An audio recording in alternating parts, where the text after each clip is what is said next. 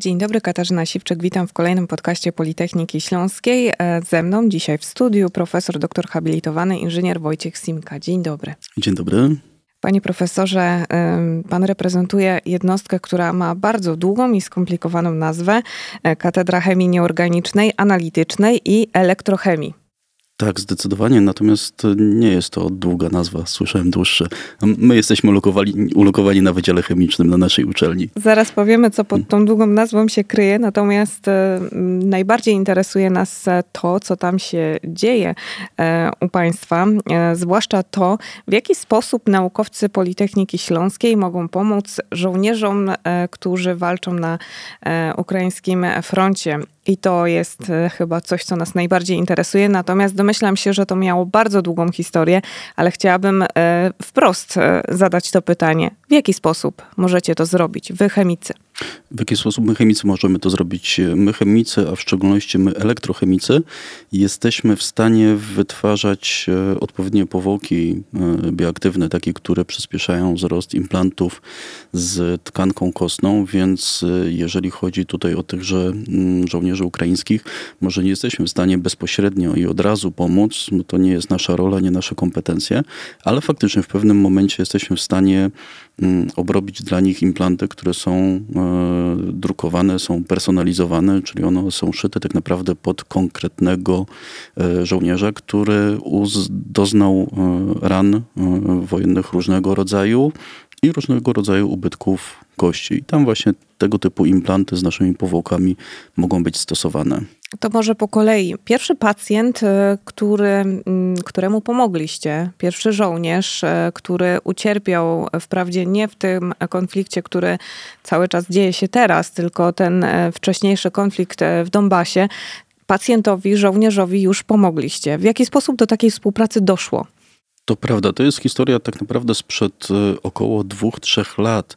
Mm, jak doszło do tej współpracy? Mm, ta historia jest długa. Ona jest na opowieść e, nie mieszczącą się w ramach tego podcastu, ale w dużym skrócie wyglądało to tak, że udało mi się nawiązać e, współpracę z firmą, dla której opracowaliśmy właśnie specjalne powierzchnie na implanty dentystyczne. Właścicielami tej firmy byli um, Ukraińcy. Są to, są to osoby, które Mm, są lekarzami, oni są chirurgami twarzowo-szczękowymi i w zasadzie to oni wpadli na pomysł, e, żeby zastosować opracowaną przez nas mm, powłokę na tych implantach indywidualnych, na tych implantach wydrukowanych ze stopu, e, ze stopu tytanu. I w zasadzie tak to się zaczęło w Dębicy, bo tam się e, pierwszy raz spotkaliśmy, realizując wspólny projekt badawczy. Oni wydrukowali implanty pod tego konkretnego pacjenta, a także pod kilku innych pacjentów. Przywieźli te implanty do Polski, e, ja je odebrałem i wytworzyliśmy tutaj na Politechnice w naszych laboratoriach e, specjalną powłokę, po czym wystylizowaliśmy to i oddaliśmy te implanty e, kolegom. Oni natomiast w Zaporożu czy też w Kijowie mm, wszczepili je mm, pacjentom. I rzeczywiście jeden z tych pacjentów to była osoba, która została postrzelona dosłownie w twarz w trakcie konfliktu w Donbasie. E, straciła oko, miała zmiażone praktycznie pół twarzy, więc e, po tym pierwszym okresie rekonwalescencji mm, został zaprojektowany dla tej osoby implant e, wydrukowany, mm, obrobiony przez nas, wszczepiony. No i dzięki temu przynajmniej częściowo pacjent odzyskał rysy twarzy. I tak po kolei może wyjaśniajmy, to tutaj e, na antenie słuchaczom. E, rzeczywiście, jeżeli e, tam na miejscu udzielana jest taka pierwsza pomoc, aby ten pacjent przeżył i mógł do jakiejkolwiek normalności wrócić, w jaki sposób wy otrzymujecie informację, że możecie pomóc? W którym momencie do was w ogóle trafia informacja, teraz wy? Ta mm, ścieżka jest obecnie skomplikowana i bardzo utrudniona ze względu na problemy e, z transportem e, implantów i tutaj pracujemy nad tym, żeby to w jakiś sposób rozwiązać. Natomiast o tym powiem może za momencik. E, my, proszę Państwa, nie zdajemy sobie sprawy, mm, jak traumatyczne doznania mm, powstają w zasadzie w trakcie działań wojennych. No i ja miałem okazję stety, niestety oglądać rany, które powstają po wybuchu bomb, e, czy też rany, rany żołnierzy i tutaj naprawdę trzeba oddać bardzo duży szacunek i uznanie lekarzom ukraińskim, którzy tak naprawdę na polu walki e, zaopatrują tych żołnierzy, czyli tutaj ratują, ratują e, ich życie, więc starają się ustabilizować pacjenta. Ten pacjent następnie trafia do szpitala pierwszego kontaktu, gdzie następuje mm, operacja. W przypadku, gdy są to mm, złamania e, kości twarzy czaszki, to te kości są po prostu zespalane płytkami, one są, mówiąc kolokwialnie, śrubowane, czyli dokładnie tak jak, tak jak my to robimy podczas e, budowy, gdzie przykręcamy jakieś płytki śrubami, tak samo robi się to z kością. Z tym, że w przypadku tych pacjentów często są to mm, dziesiątki różnego rodzaju płytek, śrubek, które trzeba przykręcić e, dosłownie w twarzy, e, tak żeby zespolić wszystkie kości. I dopiero rozumiemy y, po kilkumiesięcznej, dopiero, bardzo długiej rekonwalescencji, tak jeżeli się taki pacjent godzi na to, żeby dalej go poprowadzić i żeby e, pozwolić mu wrócić do, no powiedzmy, e, kolejnego etapu normalności, czyli przywrócić normalny wygląd twarzy, bo o tym rozmawiamy, to wtedy e, pobierane są... Znaczy nawet, nawet, nawet nie nie tylko godzi się, co on myślę, że chce tego, ponieważ tutaj w tym podczas tych pierwszych operacji są tylko i wyłącznie zespalane kości. Natomiast e, ubytki kości są tak duże, że tego się nie da e, zespolić. Proszę sobie wyobrazić wyrwanie mm, całego e, stawu, wyrwanie połowy żuchwy. Nie ma możliwości, żeby coś takiego zespolić. Tutaj trzeba po prostu przygotować implant. Natomiast faktycznie jest to czas kilkumiesięcznej rekonwalescencji. Jest to czas, kiedy zarasta się tkanka miękka. Jest to czas, kiedy wzrasta się e, kość. I dopiero wtedy, kiedy pacjent jest w stanie, to e, jest poddawany specjalistycznym badaniom, czyli mówimy tutaj przede wszystkim o tomografii komputerowej. Na podstawie tej tomografii komputerowej przygotowany jest model implantu i następnie ten implant jest wydrukowany, czy jest drukowany z specjalnych medycznych e, proszków e, ze stopu tytanu. I dopiero tutaj możemy tak naprawdę wejść, bo jeżeli już ten implant jest wydrukowany, to wtedy możemy dostać informację, że jest implant, musimy go pokryć. Natomiast y, dochodzimy właśnie do kwestii, jak ten implant przetransportować z Ukrainy do Polski i z powrotem, tak żeby to odbywało się w rozsądnym czasie. I w sterylnych warunkach. I w sterylnych warunkach, tak. Y, możemy, możemy próbować e, wysyłać takie implanty poprzez firmę kurierską, ale nikt nie zagwarantuje, że w trakcie dostawy na przykład nie zostanie rozerwane e, opakowanie i ten implant nie straci sterylności, albo nie zostanie w jakikolwiek sposób e, uszkodzony. Więc na ten moment to jest tak naprawdę dla nas największa bariera. I tutaj warto jeszcze powiedzieć o jednej rzeczy, bo oprócz e, transportu, jeżeli już do Was dotrze ten implant, który jest bardzo e, spersonalizowany, to jest jeden, jedyny, e, jedna jedyna sztuka tak naprawdę, tak o tym powiedzmy, i tutaj nie ma miejsca na błąd z Waszej strony. Tak, zdecydowanie. I to jest, e, to jest prawda i to jest też największe wyzwanie, ponieważ my do takiego implantu, do każdego implantu musimy też podchodzić indywidualnie, czyli my musimy do każdego implantu dopasować e, odpowiedni uchwyt e, anodowy, na którym go gdzieś tam zawiesimy. Musimy dopasować odpowiedniej wielkości elektrolizer i tak jak pani wspomniała, nie mam możliwości poprawienia takiego implantu i my nie mamy drugiej sztuki, żeby po prostu sobie przećwiczyć proces i zobaczyć, co może pójść nie tak. Więc w zasadzie tutaj e, dużą rolę odgrywa też nasze doświadczenie w obróbce elektrochemicznej materiałów i na ten moment to się, e, to się sprawdza. Jeszcze nie mieliśmy e, problemu z tym, żeby na implancie wyszła złej jakości powłoka. Ile osób już taką pomoc dzięki Wam uzyskało? Kilka.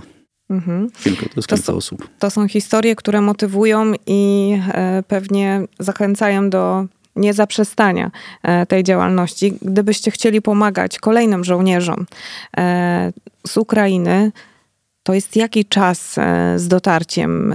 Musimy teraz oczekiwać tak naprawdę na możliwość właśnie tego transportu, na, na sygnał z drugiej strony? Ja jestem w kontakcie z lekarzami praktycznie cały, czas, ponieważ no, nawiązaliśmy bliższe, bliższe znajomości, przyjaźnie wręcz, więc my mamy kontakt z, co tydzień I faktem jest problem. e, Pierwszy to jest transport. Problem drugi mm, to jest e, kwestia czasu operacji. To te operacje owszem są planowane, bo mm, tego typu rekonstrukcji nie robi się z dnia na dzień. To trzeba planować z odpowiednim wyprzedzeniem, ale też musimy mieć e, w świadomości to, że szpitale pracują praktycznie cały czas. Wojna trwa cały czas, więc to nie jest tak, że mm, zaplanuje się operację za tydzień, za dwa tygodnie, wręcz za miesiąc i sala operacyjna będzie wolna i ten pacjent będzie e, zoperowany, prawda? Bo mm, no niestety mm, tych żołnierzy, którzy są poszkodowani, e, jest bardzo dużo, w szczególności teraz, w tym okresie, mm, no ich będzie przybywało. A kolejna sprawa jest taka, to też dostępność e, tych drukowanych implantów, ponieważ to też nie jest tak, że każdy może taki implant wydrukować. Robią to firmy, które mają doświadczenie.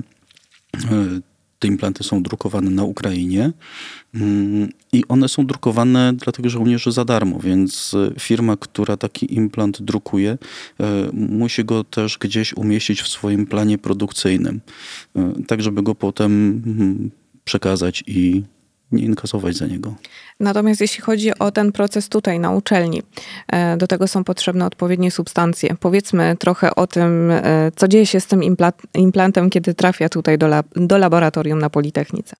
E, Sama kwestia obróbki takiego implantu u nas na Politechnice, jeżeli my wiemy, że on będzie do nas przetransportowany, e, to w zasadzie dla nas to są maksymalnie dwa dni od otrzymania do wysyłki implantu. My ten implant musimy przygotować już w jakiś sposób. To znaczy musimy go e, oczyścić, musimy go mm, odtłuścić, e, no i następnie musimy go poddać procesowi elektrochemicznemu. Musimy wytworzyć warstwę mm, tą bioaktywną, tlenkową.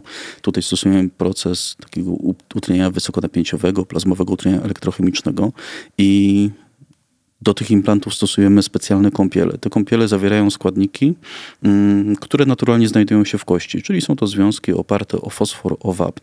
Dzięki temu zabiegowi jesteśmy w stanie przynajmniej częściowo odwzorować e, chemię kości na implancie. Co nam to daje? No daje nam to to, że kość e, wyczuwa, że to jest prawie swoje i wtedy y, łatwiej integruje się z tego typu implantem. Więc jak już taką powłokę wytworzymy, to w kolejnym kroku no też musimy oczyścić implant, umyć go po procesie, wysuszyć, wysterylizować, zapakować, wysterylizować i odesłać na Ukrainę. Otrzymujecie e, sygnał zwrotny. E, Jak reagują na to pacjenci?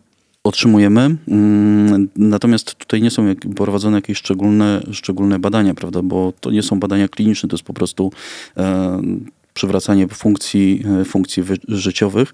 Mm, Natomiast e, nie zdarzyło się, żeby doszło do jakiegokolwiek odrzutu i faktycznie mm, ci pacjenci, którzy, u- m, którzy mm, zostali zaopatrzeni w implanty indywidualne, e, mają się dobrze. Czyli jest szansa, że e, ta pomoc e, będzie miała jeszcze większy zasięg. E, Co teraz powinno się wydarzyć, żeby rzeczywiście do takiej masowej pomocy doszło? Przede wszystkim powinna skończyć się wojna, bo bez tego nie ma możliwości, żeby, żeby ta pomoc była, była masowa. Poza tym tak naprawdę to jest udrożnienie środków finansowych, to jest i to przede wszystkim tam po stronie ukraińskiej, prawda, bo e, te implanty trzeba wydrukować, to wszystko, mm, to wszystko kosztuje. Z naszej strony technologia jest na tyle, mm, na tyle tania, że bez większych nakładów finansowych jesteśmy w stanie takie implanty po prostu obrabiać. W większości jest to nakład, e, nakład czasowy, więc jesteśmy w stanie to robić. Czyli wszyscy oczywiście życzymy sobie e, szybkiego zakończenia konfliktu i trzymamy kciuki za tę możliwość e, pomocy. Bardzo dziękuję e, za tę rozmowę i za to spotkanie. Moim i Państwa gościem był profesor Wojciech Simka. Dziękuję bardzo. Również dziękuję bardzo. Do widzenia. Do widzenia.